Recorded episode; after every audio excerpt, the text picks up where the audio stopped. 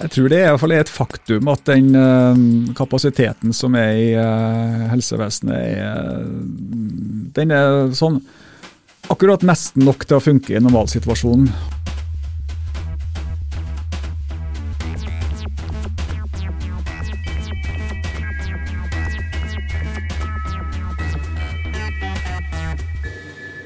Velkommen til NTNU Samfunnsforsknings egen podkast Forskerpodden og vår årlige årsoppsummering. I denne spesialutgaven av Forskerpodden skal vi igjen løfte blikket og se tilbake på hva NTNU Samfunnsforskning har jobba med det siste året. Vår avdeling Senter for økonomisk forskning, SØF, har fortsatt et blikk på trøndersk og norsk økonomi. NAPA er landets viktigste kunnskapsbase for arbeid med psykisk helse i kommunene, og vår romforskeravdeling Siris nærmer seg måne og Mars med stormskritt. Vi har med andre ord nok en gang utført arbeid og forskning som endrer samfunnet. Jo, jeg syns det var helt utrolig fantastisk, for det er veldig veldig vanskelig å lande noe på en annen planet, og ikke minst at alt går automatisk. Det er så vanskelig at det kan vi nesten ikke forestille oss. Jeg husker det var mye jubel i klasserommet okay. når vi fikk vite det ble lockdown, men det ble ganske kjedelig etter hvert. Mye av jobben må eleven gjøre sjøl. Mm. Eh, og, og det var egentlig litt nedslående, kanskje, for det har jo vært veldig mye fokus på at vi skal prøve å utvikle inkluderende skoler og inkluderende læringsmiljø. Og så forteller elevene oss at uh, de er nødt til å minne på om bruk av tekniske hjelpemidler. De er, de, er nødt til å ja, forholde seg til uh, den opplæringssituasjonen de har, og ta mye mer ansvar enn elever flest. Det er i hvert fall veldig viktig at de som sitter i en offentlig etat og skal kjøpe inn sånne tjenester, gjør det på en god måte og drikker 1000 eh, kaffekopper. Det å ha nettilgang i 2021, det syns jeg er uhyre viktig å få på plass. I årets utgave skal vi konsentrere oss om tre hovedtema. Vi skal snakke om vår nyeste forskningssatsing på psykisk helsearbeid. Vi får besøk av eh, professor og snart pensjonist Jan Tøssebro og hans engasjement for eh, funksjonshemmedes livssituasjon. Men aller først, noe som har fulgt oss gjennom hele året, fra romjula i fjor til nye strenge koronaregler nå i desember, nemlig samfunnssikkerhet. Forskerpodden er NTNU Samfunnsforsknings egen podkast, vi tar opp i studio på Dragvoll i Trondheim, og navnet mitt er som vanlig Vegard Y. Smevold. I hvert fall har det vært det siden september 2021. Jeg rakk nemlig å gifte meg i et ganske behagelig vindu her tidlig i høst, før koronasituasjonen og ikke minst restriksjonene traff oss mer og mer igjen. Vi må snakke om den litt nygamle situasjonen vi plutselig står i, men først skal vi innom andre hendelser fra året som gikk. Velkommen eh, tilbake til Forskerpodden, sikkerhetsforsker og samfunnssikkerhetsekspert Stian Antonsen. Takk for det. Gjerdrum-raset det gikk 30.12. Eh, i romjula i fjor, da, eh, men prega hele nyåret. Uh, Espen Andersen Bråten gikk eh, amok, hvis det er lov å si det, i sentrumsgatene i Kongsberg i oktober. Og rakk å ta livet av uh, fem stykker før han ble pågrepet av politiet. I november så ble Rustam Louis Foss drept av politiet, før han rakk å gjøre fysisk skade på folk på Bislett i Oslo. Tre store samfunnssikkerhetshendelser. Hvilke av de tre her har gjort uh, sterkest inntrykk på deg, Stian? Ja, det gjør jo inntrykk alle sammen, selvfølgelig. Men uh, Gjerdrum og Kongsberg uh, er spesiell på hver sin måte. Det er klart den uh, Bislett-saken er jo også en, en alvorlig hendelse, og det forteller jo mye om hvor hvor, hvor mye som faktisk kan skje, da. Men Gjerdrum er jo kanskje eksempelet på at eh, det verst tenkelige skjer på verst tenkelig tidspunkt. Vi, eh, vi er, første, vi er i romjula eh, i en pandemi. Og så går det et leirskred som tar med seg strømmen, som tar med seg vannforsyning, som tar mange liv. og som også eh, tar ut eh, kommunens eh, si, kapasitet for kriseledelse med at du mister jo mye av kommunikasjons- og, og styringskapasiteten din. da. Hmm. Jeg vet ikke om jeg nevnte det, men det gikk i hvert fall uh, ti liv i det raset på Østlandet. Og Så må jeg nesten bare føye på at uh, Kongsberg-saken er mm, nok et eksempel på at uh, man har en, en jobb å gjøre når det gjelder uh, utenforskap og psykisk helse, og at den koblinga til samfunnssikkerhet den er verdt å tenke over både én og to og tre ganger. Altså, vi har Mm. vi har sett det før, men i, dog i litt andre sammenhenger. Men øh, den koblinga er viktig. Mm. Eh, også veldig relevant for oss i NTNU samfunnsforskning. Da. Eh, vi skal komme litt mer tilbake til det også. Eh, men hvilke av de tre Du har kanskje svart litt på det, men hvilke av de her tre sakene er det som interesserer deg mest eh, faglig? da? Nei, jeg tror jo sånn Alle det, kanskje? Ja, men for øh, Som en sånn øh, samfunnssikkerhetsnerd, så blir jo Gjerdrum spesiell, da. Ettersom øh, sant, er det, Hvis det er noe man ikke vil ha, så er det jo store hendelser som varer lenge, og som skjer samtidig. Og Gjerdrum-skredet i en pandemi er jo en sånn en. Eh, I tillegg til alle de livene som går tapt, så er jo også de kritiske samfunnsfunksjonene berørt. Og det er et veldig komplekst aktørbilde som er involvert både i forebygging og håndtering av det der. Sånn at den, eh, den er veldig sånn klassisk utfordrende eh, innenfor samfunnssikkerhet i, i tradisjonell forstand. Og så er jo den andre er jo og da tenker jeg på eh, Kongsberg, som jeg nevnte Mm, mm. spesielt i en, eller faglig utfordrende i en litt annen forstand, med tanke på at den, eh, den bringer sammen fagfelt som kanskje ikke har vært like tett kobla før. Klarer du som uh, samfunnssikkerhetsforsker uh, å peke på hva som svikta i Gjerdrum i romjula i fjor?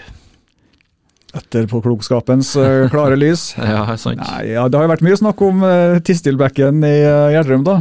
Den tror ikke jeg det var så veldig mange utenom de uh, ekstremt lokalkjente som hadde hørt om uh, før. Men det er jo på en måte den, den rent hva skal man kalle det, tekniske eller fysiske utløsende årsaken.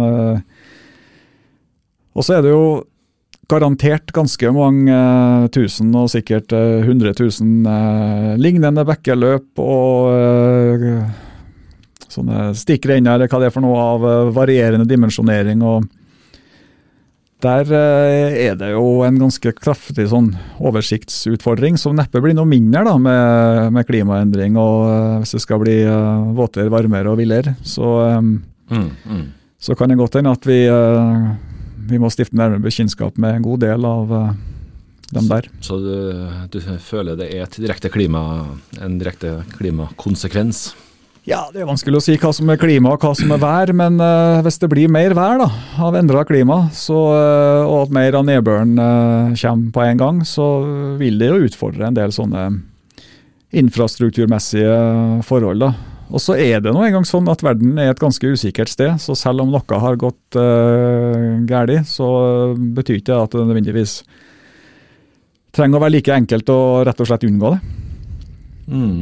Eh, er vi for liberale liberal når vi lar eh, utbyggere bygge nye hus? Ja, vanskelig å si, men eh, vi har jo en eh, sånn, Det er jo en personlig eh, oppfatning mer enn noe sånn faglig utsagn. Men eh, for meg så ser det ut som at eh, utbyggere har ganske fritt spillerom. Man Til slutt så får man stort sett lov, og veldig mye penger i spill. Veldig, hva vi kaller det mektige aktører det her da, som eh, kan ha eh, et, bra kobbel med jurister og planfolk på sin side, og eh, kommunale avdelinger på andre sida som er overlessa med en, en hel haug med sånne saker. Mm, mm. Hvordan skal vår og, din, og dine kollegers forskning bidra til at sånne hendelser ikke skjer? Vi forsøker nå å bygge litt stein på stein der, da. Um, det er jo noen gjengangere i, uh, i uh, granskninger og sånne rapporter i etterkant av uh, hendelser. Det er jo alltid lett i ettertid å se at det fantes tegn på både det ene og det andre. Mm, mm. Um, men å gå derifra til å kunne fange opp de her svake faresignalene og skille signal fra støy, der er det mulig å bli langt bedre på samordning, samvirke mellom de ulike interessentene. For det er jo spredd. Og det er jo, det er jo liksom det å se et mønster i ting som eh, skiller et viktig signal fra tilfeldig støy. Mm, mm. Hvor relevant er de tre hendelsene her eh, for din og vår forskning? Vi kommer faktisk rett fra et møte nå, hvor vi eh, velger ut uh, case til et uh, stort forskningsprosjekt om brann- og redningstjenester. Mm, og uh, Gjerdrum uh, står øverst på lista der. Ja, kjent. Så da går det på å både beskrive det, nær sagt, det kartet over de aktørene som er involvert i forebygging og håndtering, men også ikke minst terrenget. For det at når hendelsene blir så store, så overstiger det på en måte de ressursene som du har til rådighet uh, rett rundt deg, og så varer det så lenge at du, du må ha flere å sette inn ganske kjapt. Mm, mm. Det er i hvert fall ingen tvil om at samfunnssikkerhet er i seg sjøl svært relevant for NTNU samfunnsforskning, fordi 1.1 så, så etablerer vi eh, et nytt forskningssenter som vi har kalt Senter for eh, forskning på trygghet og sikkerhet i samfunnet. Ja. Eh, det skal styrke NTNU samfunnsforsknings nasjonale og internasjonale rolle innen forskning på samfunnssikkerhet, eh, med den da sterke historiske posisjonen instituttet har innen organisatorisk sikkerhetskompetanse, som det heter så fint. Eh, senteret skal være bredt og tverrfaglig og ha med seg forskere fra alle våre seks avdelinger. Mm. Du Stian er en eh, viktig nøkkelperson. Hvorfor eh, gjør vi det her nå rett etter jul? Vi begynner forsiktig da, nær sagt, å bygge opp et sånt senter første halvår nå. Og vi gjør det jo med tanke på bl.a.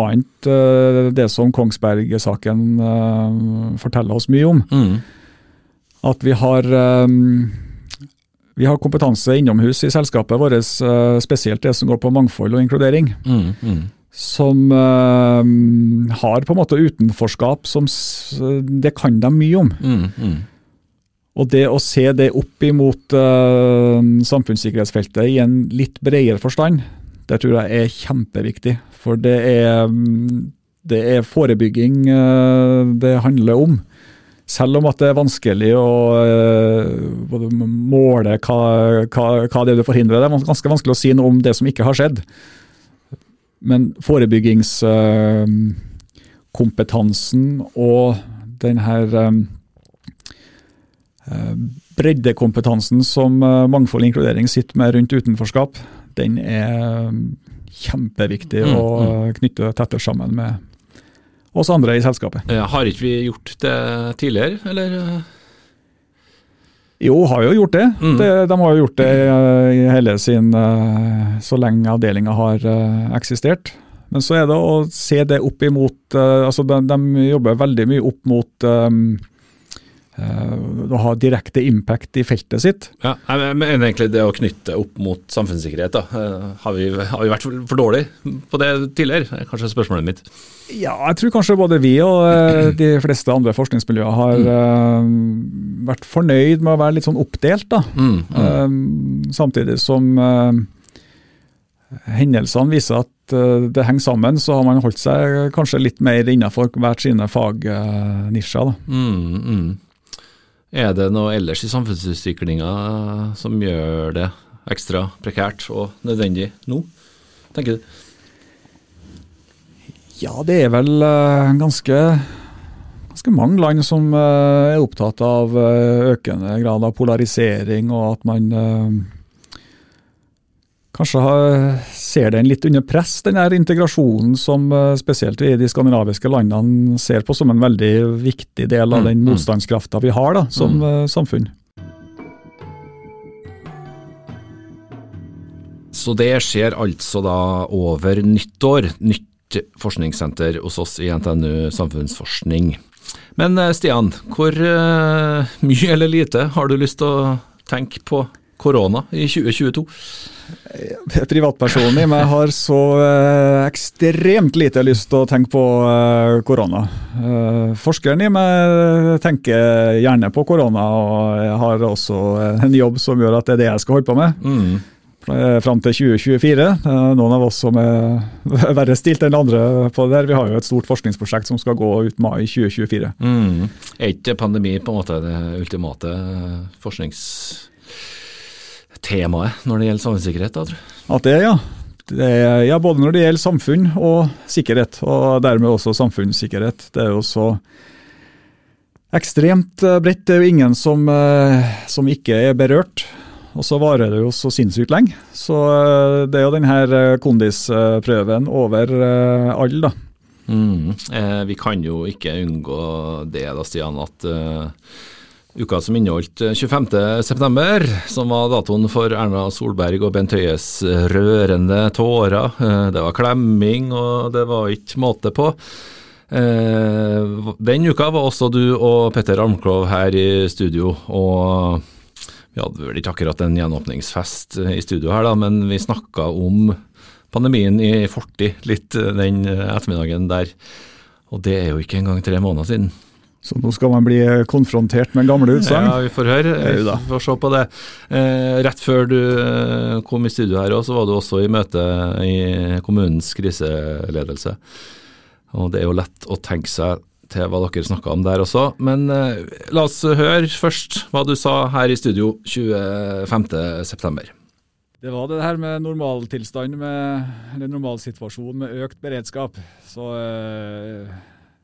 er jo ikke ferdig med pandemien, eh, verken i Norge eller andre plasser. Men det er noe, eh, det er noe med den symbolske ved akkurat den her, altså Man tør å bruke ord som gjenåpning. Man skal ikke bli for eh, sånn ta helt av her, men jeg sitter og ser på en TV-serie hvor akkurat nå så er jeg kommet fram til den situasjonen, eller den perioden hvor Berlinmuren falt. Og den følelsen av at det er et eller annet som, som begrenser deg, som er i ferd med å lette, den, eh, jeg tror det er en del som kjenner litt på, eh, på den, og har liksom venta på å få lov til å, å tenke de tankene. Hvordan uh, syns du det står seg sjøl? Ja, det, er vel kanskje noen av de reservasjonene som eh, står seg med at eh, det var de, ingen som helt har trua på at eh, pandemien var over. Eh, så kjente vi vel alle på en sånn følelse at kanskje, kanskje er vi liksom på halen her nå, da. At nå kan vi begynne å, begynne å slappe litt av igjen. Og eh, det varte jo ikke lenge. Når du nevnte de eh, møtene i kriseledelsen, vi er jo kun observatør, da. Mm, mm. Men der begynte jo frekvensen å, å ta seg litt uh, til. Man begynte jo å snakke om uh, innstramminga dagen etter at den siste gratis uh, bussturen av gjenåpningsfesten hadde kjørt. Så det går opp og ned her i verden. Ja, nettopp. Jeg syns jo det du sier står seg ganske bra, da, for det er jo en del eh, forbehold. Er ikke det da, du kommer med? Er du likevel overraska over at vi nå rett før jul er der vi er? Ja, jeg må egentlig si ja, altså, for at eh, den um, uh, Man kan jo ikke si at man er overraska over at det kommer nye mutasjoner, men så er det, når de først kommer, så, så er jo det Du vet jo veldig lite. Altså, hva, hva er det? Du begynner, du begynner ikke på null igjen, men du begynner ganske langt bak i løypa. Når det gjelder å bygge opp uh, kunnskap om uh, smittsomhet, om eh, sykdomsbyrde og hvor mange kan man få av sykehusinnleggelser. Så Scenarioen eh, tegnes på nytt igjen, og mm. det ser jo veldig krevende ut. Mm. Dere snakka jo også da om i den podkasten vi tok opp i september, at, eh, at samfunnet har slanka bort robustheten sin. Eh, kravet etter å drive lønnsomt, også på sykehus, gjør at vi står i en beredskapssituasjon som ikke tåler så store svingninger. Er det riktig oppsummert, eh, du og Almklovs kronikk? Det vil jeg si. Mm. Har ikke myndighetene vært flinke nok til å høre på, på dere? Jeg tror det er, i hvert fall er et faktum at den eh, kapasiteten som er i eh, helsevesenet, er, den er sånn akkurat nesten nok til å funke i normalsituasjonen. Og En ting er jo om du hører på, eh, på forskere i NTNU samfunnsforskning, men eh, det finnes noen tusen leger og noen tusen sykepleiere som eh, har sagt det her i årevis. Mm, mm. Så det, det er ikke noe hemmelighet, altså. Og så klart det koster penger, men, og en, en pandemi. altså Man kan jo ikke dimensjonere for å håndtere alt. Men du må jo like fullt eh, dimensjonere for å håndtere noe. Og det at det blir så fort tynt i, eh, i hyllene på helt basic smittevernutstyr, det, det høres for meg helt meningsløst ut, skal jeg være helt ærlig. Mm. Og pandemi har også stått øverst på mulige farer i flere år. Høyest sannsynlighet med høyest konsekvens. Mm. Du nevnte at dere har vært i, som observatører ja, i kommunens kriseledelse. Hva ellers har dere, eller har de snakka om denne uka? Nei, jeg vil ikke gå inn på hva de har snakka om. Men eh, vi, det her er jo et tillitsforhold. Vi har fått lov til å komme inn bak sceneteppet. og vi har, Nå har vi snart sittet et år Mm, og mm. observert de møtene her, og det er, det er helt unikt. Mm. Og der er det en, eh, en eh, måte å få samla sånn førstehåndsdata. Vi får følge dem over såpass lang tid, og så gjør vi intervjuer med noen av deltakerne. Noen har vi snakka med flere ganger også. Mm, mm. Som gir oss et, eh, en, et innblikk i håndtering av usikkerhet og vanskelige beslutninger som er få forunt å få tilgang til. Mm. Så der sitter du og flere kolleger hos oss? Ja.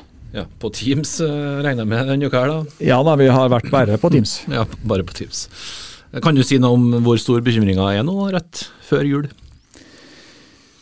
Bekymringa kommer jo fra eh, de scenarioene som FHI eh, presenterte i dag. Nå har jeg ikke fått lest dem i detalj, men man kommer jo med noen, noen prognoser som er ganske langt unna den, den gode gjenåpningsfeelingen som vi snakka om i stad. iallfall. Det er helt sikkert. Mm.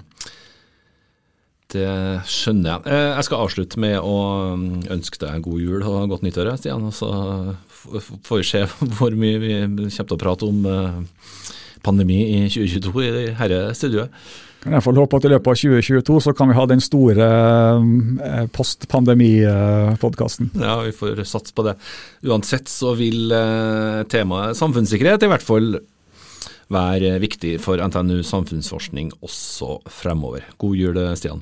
God jul. Vi skal straks skifte tema, nemlig, og får nå besøk av eh, eh, professor og forsker Jan Tøssebro, som har eh, sett på hvordan de utviklingshemmede har det hjemme i herre herreåret som snart er over. Vi skal snart også få besøk av Marit Helene Hem, som skal snakke om vår nye satsing på forskning på psykisk helsearbeid, men aller først altså Jan Tøssebro, som nå like før jul har eh, publisert en eh, ny rapport som ser på de utviklingshemmedes bosituasjon. Den rapporten er laga sammen med flere kolleger eh, hos oss i NTNU samfunnsforskning og avdelinga mangfold og inkludering. Jeg nevner Kristian Wendelborg, Ingrid Hermstad, Anne Kittelså, Melina Rød og Sigrid Vik. Rapporten ser på utviklingstrekk for denne gruppas bosituasjon fra midten av 90-tallet og frem til i dag. Stemmer ikke Jan? Jo, det stemmer det. Fra 1994. Mhm. Riktig. Velkommen til Forskerpoddens årsoppsummering. Takk. Har utviklingshemmedes bosituasjon blitt bedre eller verre, Jan? Det kommer jo litt an på hva du ser på, men sånn hovedtrekket er jo at det har vært en god del negative utviklingstrekk. Veldig mange utviklingshemma bor i bofellesskap. Det var forutsatt at de skulle være fra tre til fem personer. Nå er de ni, men det finner også bofellesskap på 20, 25 og flere, altså større enn de gamle institusjonene som ble lagt ned. Mm. Så ser vi også at eh, boligøkonomien deres er veldig forverra, fordi at husleia er i løpet av eh, noen få år eh, dobla. Eh, samtidig som at de har mista bostøtten pga. regelendringer og sånt. Nå. Sånn at det er en del sånn hovedtrekk i bosituasjonen som har blitt mye verre. Mm. Så ser vi for så vidt også noen motsatte trekk ved at kommunene har blitt mer interessert i å legge til rette for at de eier sjøl, ikke nødvendigvis bor i bofellesskap og sånt noe, men hovedbildet er egentlig litt dystert. Mm. Så de bor både med flere og har mindre igjen å rutte med når eh, husleia er betalt, da, egentlig? Ja. Du kan si at Statistisk sentralbyrå sier noe sånt som at hvis du har mer enn 25 av inntekta di går til eh, boutgifter, så har du, eh, hører du til gruppa som har en på en måte urimelig høye boutgifter, eller eh, jeg husker ikke akkurat hva de kaller det. Eh, her ligger du på 40-45% stort sett. Mm. Så at de har eh, Det høres høyt ut. Ja, spesielt når de leier av kommunen. Nettopp. Eh, hva slags eh, mennesker er det vi snakker om her? Hvem er dem? Nei, Vi snakker jo om utviklingshemma, og da er jo den primære gruppa av utviklingshemma er jo eh, de som trenger en god del hjelp og støtte i hverdagen. Som ikke klarer seg selv uten en del, en del støtte. Sånn at En sånn undersøkelse som vår fanger jo i mindre grad opp hva skal vi si, grenselandet av folk som lærer litt langsomt og sånt. Og Utviklingshemma som kategori er jo en veldig sånn grumsete kategori som har noen formelle definisjoner, men uh, som rommer et veldig stort mangfold. Mm. Hvor mange er det snakk om i landet vårt? Uh, vi pleier å si at det er ca. 0,5 av befolkninga. Mm, mm. Hvor mange er det dere har sett på da, spesifikt i rapporten? Eh, vi har gjort det på to vis. Eh, Vi har dels registerdata, hvor vi har sett på alle i Norge. Og så har vi et utvalg eh, som vi har gått mer i detalj på, som er en eh, drøyt 200 personer. Mm. Og blant de 200 så ser dere de samme trekkene som dere ser i den store helheten? Eh, ja, i all hovedsak. Mm. Hvorfor ønska NTNU Samfunnsforskning å finne ut av dette? Dels så er det sosialpolitisk interessant. eh, Så er det noen ting vi egentlig har drevet med helt siden begynnelsen av 90-tallet. Den gangen så hadde jo den eh, Altså det var jo en av de store sosialpolitiske reformene, det var jo avviklingen av institusjonene for utviklingshemma. Mm. Og etablering av eh, en ny type omsorg. Sånn at vi var jo sterkt involvert i evalueringa av det. Og for oss så har det jo vært veldig interessant å se eh, Altså Det er mye som skjer i en reformperiode. Det er mye man ikke oppnår. Og så er det kanskje noen ting man oppnår som man ikke oppnår på lang sikt, fordi at i reformperioden så er oppmerksomheten høy. Mm, Så skrus lyset av. Ja, ja. Hva skjer da? Sånn at oppfølginga etter hvert og over tid og sånt har jo på en måte handla veldig mye om liksom, hva skjer når lyset, lyset skrus av. Uh, og bl.a.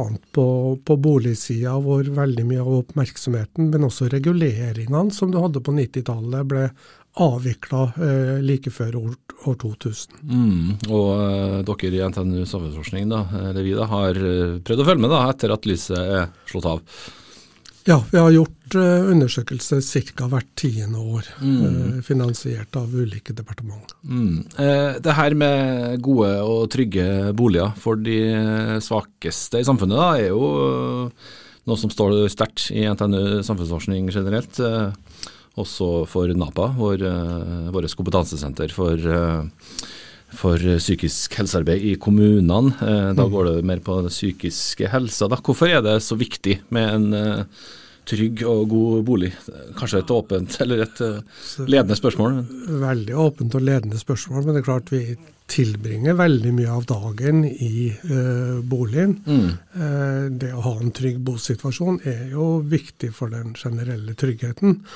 Eh, og Norge med vårt kalde og gufne klima er jo på et vis i en særstilling der. Når man parodierer det, så sier man jo at italienere bruker penger på klær, franskmenn på mat og nordmenn på hus. Mm, mm. Uh, og det sier jo noe om at her har du både noen spesielle ting rundt det, men også noe veldig generelt som handler om at boligen er en veldig viktig del av hverdagen som vi bruker mye tid på, Mm. og, og mye penger på. Mm. Jeg har at vi bruker enda mer, på, enda mer eh, tid og ikke minst penger på det nå i, etter pandemiens, eh, eh, pandemien òg. Ja, de sier at de gjør eh, eh, har hatt gode tider i byggevarefirmaene, ja. Mm, og dette gjør kanskje at skillet da blir større i, i landet vårt? Ja, eh, vi har ikke sett så veldig mye egentlig på skille. Vi har mer sett det eh, over tid. Mm, mm. Eh, men hvis du sier at mange har brukt tida under pandemien på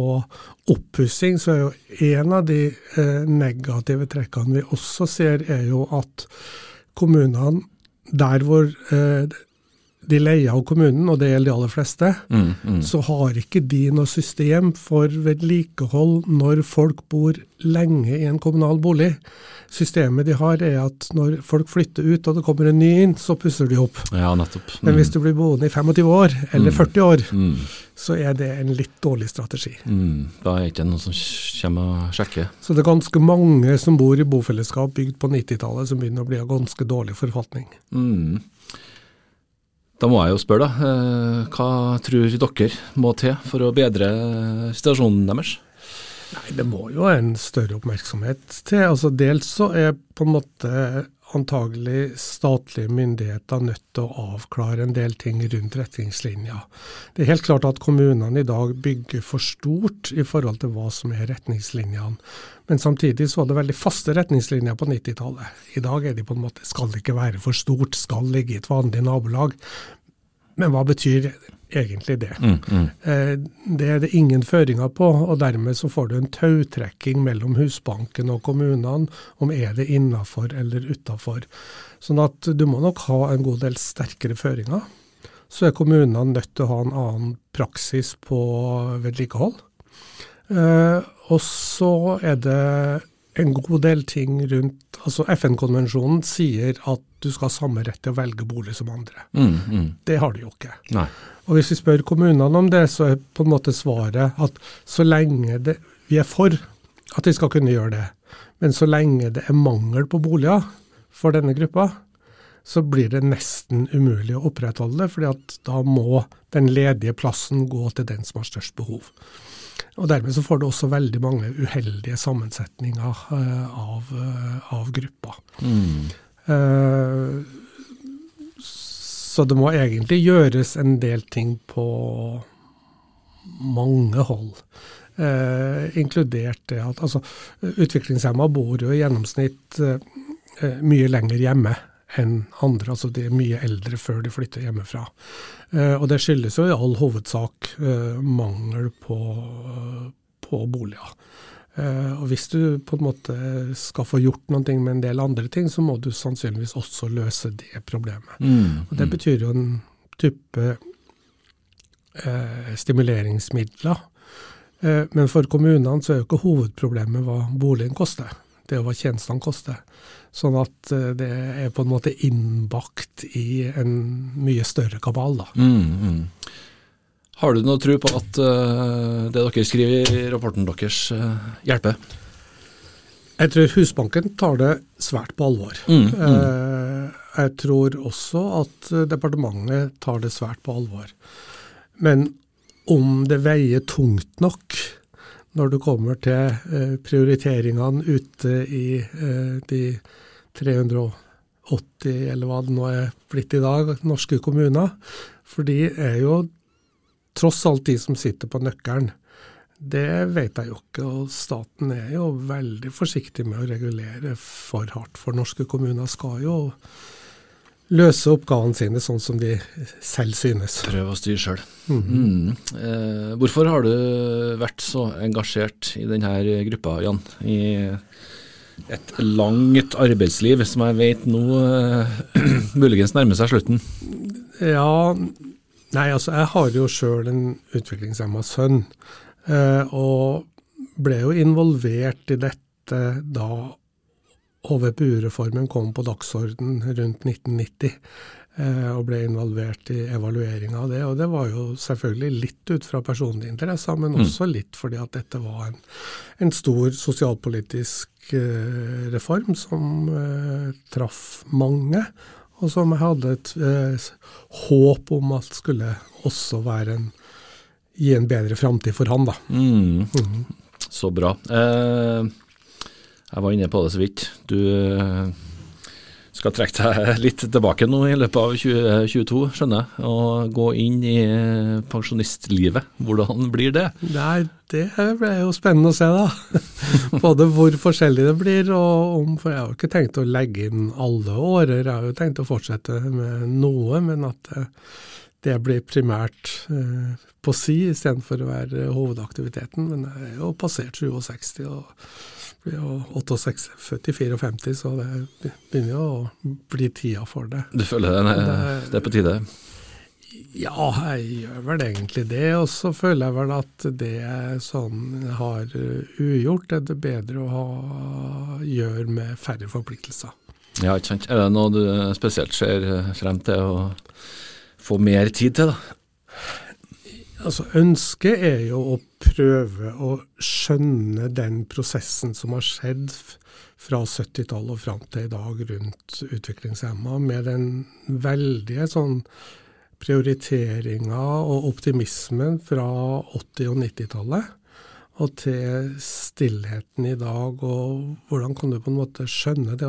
Det er jo ikke en særnorsk sak dette at du hadde veldig stor oppmerksomhet og, og gjorde mange ting på 80- og 90-tallet, og så har det på en måte blitt stilt etterpå. sånn at Men ikke, ikke det å beskrive det, men det å på en måte prøve å skjønne mer hva pokker er det som har skjedd her? Mm, Hvorfor, hvorfor har vi ikke råd til noen ting i dag, et mye rikere samfunn som vi hadde råd til i 1990? Ikke sant. Det er litt vanskelig å skjønne. Litt overraskende. Eh, Du får eh, litt mer tid til å forske litt på det der når du eh, blir pensjonist i løpet av 2022. Ja. Og så får jeg ønske deg god jul og et godt nyttår. Vi skal straks få neste gjest her inn i studio. Takk skal du ha, Jan. I likeså. Mm, ha det bra. Velkommen til ditt første besøk i eh, Forskerpodden-studio, Marit eh, Helene Hem. Tusen takk for det. Hem, er det riktig eh, uttale, eller? Det er helt fint. Ja, bra. Hvordan eh, har din første høst hos oss i NTNU samfunnsforskning vært, Marit? Ja, først og fremst så har det vært eh, spennende og interessant. Mm.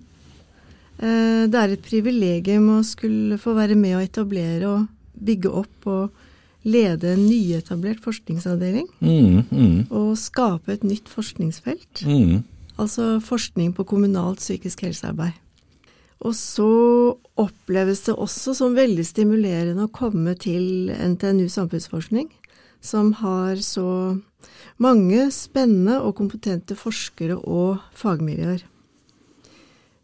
Og ikke minst så har det også vært veldig flott å bli kjent med NAPA, altså Nasjonal kompetansesenter for psykisk helsearbeid i kommunene, Mm, som jo også er en del av NTNU samfunnsforskning. mm.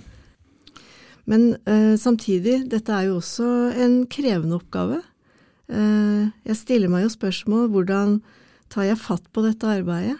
Eh, hvor begynner jeg?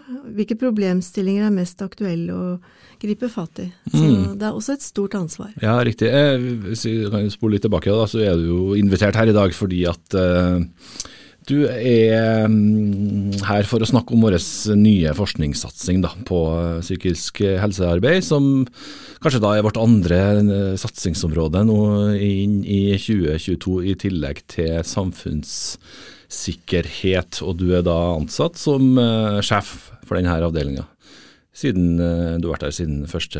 august. Hvorfor ønsker NTNU samfunnsforskning å forske mer på det her, eh, Marit?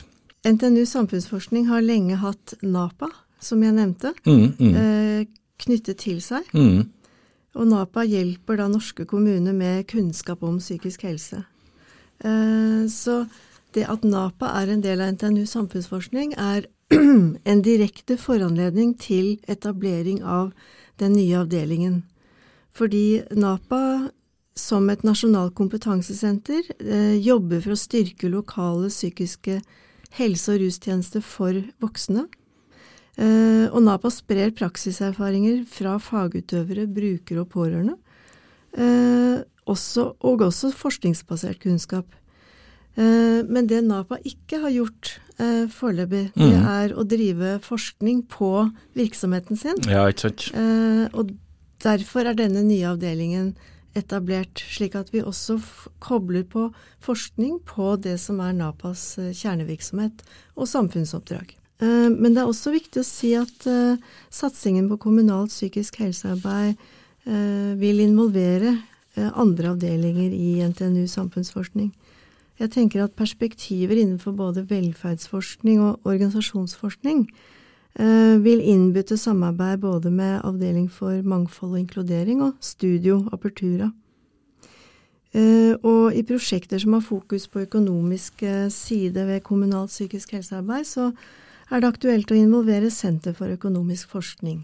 Så dette kan eh, ligge an til eh, mye spennende samarbeid. Høres eh, veldig spennende ut. Eh, hva skal vi med resultatene av eh, forskninga vi utfører i denne nye avdelinga? Hva og hvem er den nyttig for? Det kan vi snakke mye om, men jeg skal prøve å eh, si noen punkter som jeg har tenkt en del på i høst. Ja, stort spørsmål det der, altså. Ja, ikke sant. Du får prøve. Ja. Mm. ehm, eh, altså, vi bor alle i en kommune. Vi Mm. bor alle i et lokalmiljø. Eh, og det betyr at vi er berørt av helsetilbudet der vi bor. Eh, at det er gode tjenester som kan hjelpe oss når vi trenger det, er viktig. Eh, så dette er på en måte et overordnet perspektiv. Vi har også sagt at forskningen skal ha et folkehelseperspektiv. Men hva betyr det?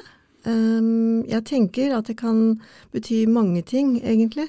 Men uh, la meg peke på et par poeng. Mm. Uh, Økt frivillighet og innbyggerinvolvering ser ut til å bli viktigere fremover. Og det er jo annet fordi vi ser klart at det offentlige har begrensede ressurser uh, å sette inn når det kommer til å tilby tjenester. Og dessuten tenker jeg at det er positivt i et hel folkehelseperspektiv å tenke medvirkning og involvering. Altså vi kan alle bidra til å skape gode lokalsamfunn. Vi kan alle bidra til å lage arenaer der eh, folk trives og bryr seg om hverandre. Begrepet relasjonell velferd, som professor Ottar Næss arbeider med, peker på akkurat det. Det er ikke bare det at folk skal føle seg verdsatt, det er faktisk også et gode å vite at man selv gjør en forskjell. Eh, det kan sies sånn feeling valued og adding value. Mm, mm. Og så det andre poenget som jeg har tenkt på, er at uh, dette med citizen science, det er nå et begrep som tas i bruk for å beskrive involvering av befolkningen i forskning. Det vil si at man skifter perspektiv fra forebygging til samfunnsbygging og samskaping. Og relasjonell velferd, som jeg nettopp nevnte, er tett knyttet til en slik måte å tenke på, da. Eh, og det handler kort og godt om å skape livskvalitet for alle. Det handler om i stort å bidra til å skape større sosial rettferdighet. Så hvis vi skulle ta disse overordnede perspektivene ned i noe konkret virksomhet, Mm, mm. så kunne man tenke f.eks. korsang og psykisk helse, eh, som Arve Almvik er eh, en forkjemper for. Eller man kunne også tenke etablering av filosofiske kafeer, der dialog og undring over eksistensielle temaer kunne være fokus. Mm. Høres eh, veldig spennende ut, og ting du sier nå da, gjør jo at eh, med flere sikkert gleder oss til vi er nok en gang ferdig med den eh, nedstenginga vi er inne i nå. Da. Det, du snakker om arenaer som, som best lar seg gjøre i et eh, normalt eh, samfunn. Så vi håper at eh, det blir en kortvarig nedstenging igjen nå. Hva er det du setter i gang med eh, når juleferien er over, eh, over eh, nyåret, Marit? Um, du har jo vært alene nå på avdelinga siden i sommer? Eh, ja, jeg har jo ikke vært helt alene i høst. Jeg har jobbet tett med direktør Roger Lian. Mm. Og det har vært veldig fruktbart. Mm. Jeg tenker at vi er fortsatt i en kartleggingsfase, eller en åpen sonderingsfase. Mm. Så det handler om å være tålmodig og tenke langsiktig. Og samtidig begynne å tenke på en innsats rettet mot konkrete initiativ. Sortere, vurdere hvilke forskningsveier det er klokt å gå inn på. Og i det så ligger det også at vi må vurdere og prioritere i forhold til hvilke problemstillinger som er forskbare. For vi kan ha mange gode ideer og tanker om hva som kunne være spennende, men det må også være forskbart. Mm, mm. Og vi må også ha både kompetanse og økonomi til å gjennomføre prosjekter som vi tror på. Men uh, jeg, kan, uh, jeg kan, nevne noen prosjekter som Her, ja. jeg og vi har begynt å mm. arbeide med. Gjerne det. Eh, for det første er det et prosjekt med recovery i fokus. Eh, det er et prosjekt med forskere på NTNU samfunnsforskning, og også andre. Og der er utgangspunktet vårt at vi trenger mer kunnskap om det vi kaller for kontekstuell recovery. Dette er et, eh, også et samarbeid med en kommune. Og da er vårt ønske å videreutvikle kunnskap vi har om personlige recovery-prosesser, med fokus på hvordan de utfolder seg over tid og i ulike hverdagslige, relasjonelle og samfunnsmessige kontekster. Eh, vi er interessert i både å utforske erfaringene og opplevelsene til personer i recovery, eh, og også til tjenesteytere som støtter dem i disse prosessene. Så for å sikre at forskningen vi gjør er relevant for praksisfeltet, så vil vi svært gjerne utvikle og gjennomføre forskning i tett samarbeid med brukere og ansatte ved en kommunal enhet som tilbyr recovery-orienterte tjenester, da. Så eh, et annet prosjekt jeg kan nevne, er eh, Rask psykisk helsehjelp. Mm. Det er en stor satsing i kommunene i Norge Uh, og fokuset er å gi rask psykisk helsehjelp til personer uh, hovedsakelig med angst og depresjon.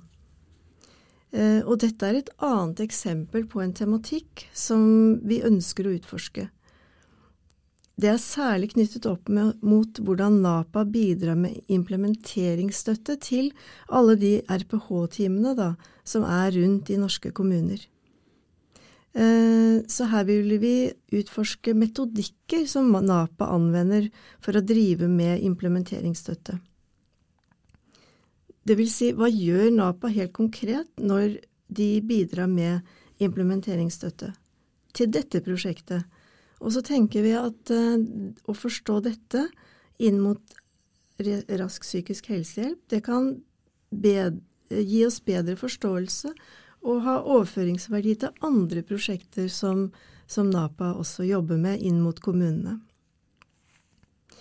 Eh, et tredje eksempel er Rekon-prosjektet. Eh, Rekon står for Reducing Coercion in Norway. Det er et forskningsrådsprosjekt som er stort og med mange arbeidspakker. En av arbeidspakkene er lagt til NAPA. Og det handler kort sagt om hvordan ivareta mennesker da, med psykiske helseutfordringer, øh, og kanskje rusutfordringer, der de bor. Um, overordnet så er det viktig i dette prosjektet å tenke at folk skal slippe å gå den lange veien inn til spesialisthelsetjenesten, uh, hvor man ofte kan ende opp som tvangsinnlagt. Mm, mm. Fordi man har blitt så dårlig underveis at tvang da ses som siste utvei. Så å få kunnskap om hvordan dette ser ut både fra perspektivene til pasientene, nettverket, primærhelsetjenesten og andre samarbeidsorganer er viktig. Eh, også for å utforske da ulike tiltak som kan settes i verk tidlig, slik at folk blir ivaretatt i og nær hjemmene sine. Der de lever livene sine. Det er viktig i dette prosjektet. Så kan jeg nevne til slutt da, at uh, i januar så skal vi ha et uh, webinar sammen med KS, altså Kommunenes Sentralforbund i, mm. i Trøndelag. Mm. Uh, og der er formålet å bygge en langsiktig dialog med praktikere og forskere som identifiserer kunnskaps- og innovasjonsbehov i kommunalt psykisk helsearbeid. Og kanskje også, uh, tror vi, identifisere grunnlaget for å samarbeide om forskningssøknader rettet inn både mot uh, regionale forskningsfond, uh, Norges forskningsråd og også EU. Så vi ønsker å ha en dialog med kommunene i Trøndelag om hvordan vi kan etablere et samarbeid, og hvilke gevinster som realiseres ved et slikt samarbeid. Og jeg kan også nevne da at for å sette i gang med disse prosjektene som jeg nå snakker om, så må vi også parallelt jobbe med å utvikle en forståelse av kunnskapsgrunnlaget. Hva har vi allerede kunnskap om når det gjelder kommunalt psykisk helsearbeid? Og da betyr det også at vi må rette oss ut og, og tenke internasjonalt. Um, så det kan også være at uh, ligger an til en studietur eh, mot sommeren. Eh, vi har identifisert miljøer både i Nederland og Belgia som det kan være interessant å besøke og, og lære av. Mm. Spennende, Marit. Og det er jo godt å høre at uh, det her er både um, tiltak og forskningsprosjekt som uh, svarer på mye av det vi snakka om tidligere i dagens podkast. Og spesielt da når det gjelder samfunnssikkerhet og helt konkret ting som skjedde i Kongsberg f.eks. i høst. Eh, jeg må spørre Marit, hvordan syns du det er å jobbe såpass eh, langsiktig? Som du så vidt nevnte, jeg liker jo å ha frister i morgen. At jeg skal klippe ferdig den podkasten her eh, i løpet av dagen. Hvordan syns du det er å ha et så stort perspektiv? Jeg syns det er spennende å jobbe langsiktig. Eh, forsøke å tenke fornuftig om hvordan vi kan legge langsiktige strategier. Eh, det betyr at vi står overfor en god del dilemmaer også. Fordi vi er på NTNU samfunnsforskning som er eh, avhengig av å hente inn eksternt finansierte prosjekter. Eh, samtidig som vi må tenke godt igjennom hva slags strategi ønsker vi å å ha i bunnen her. Samtidig er vi avhengig av å få i gang og få opp aktivitet i avdelingen.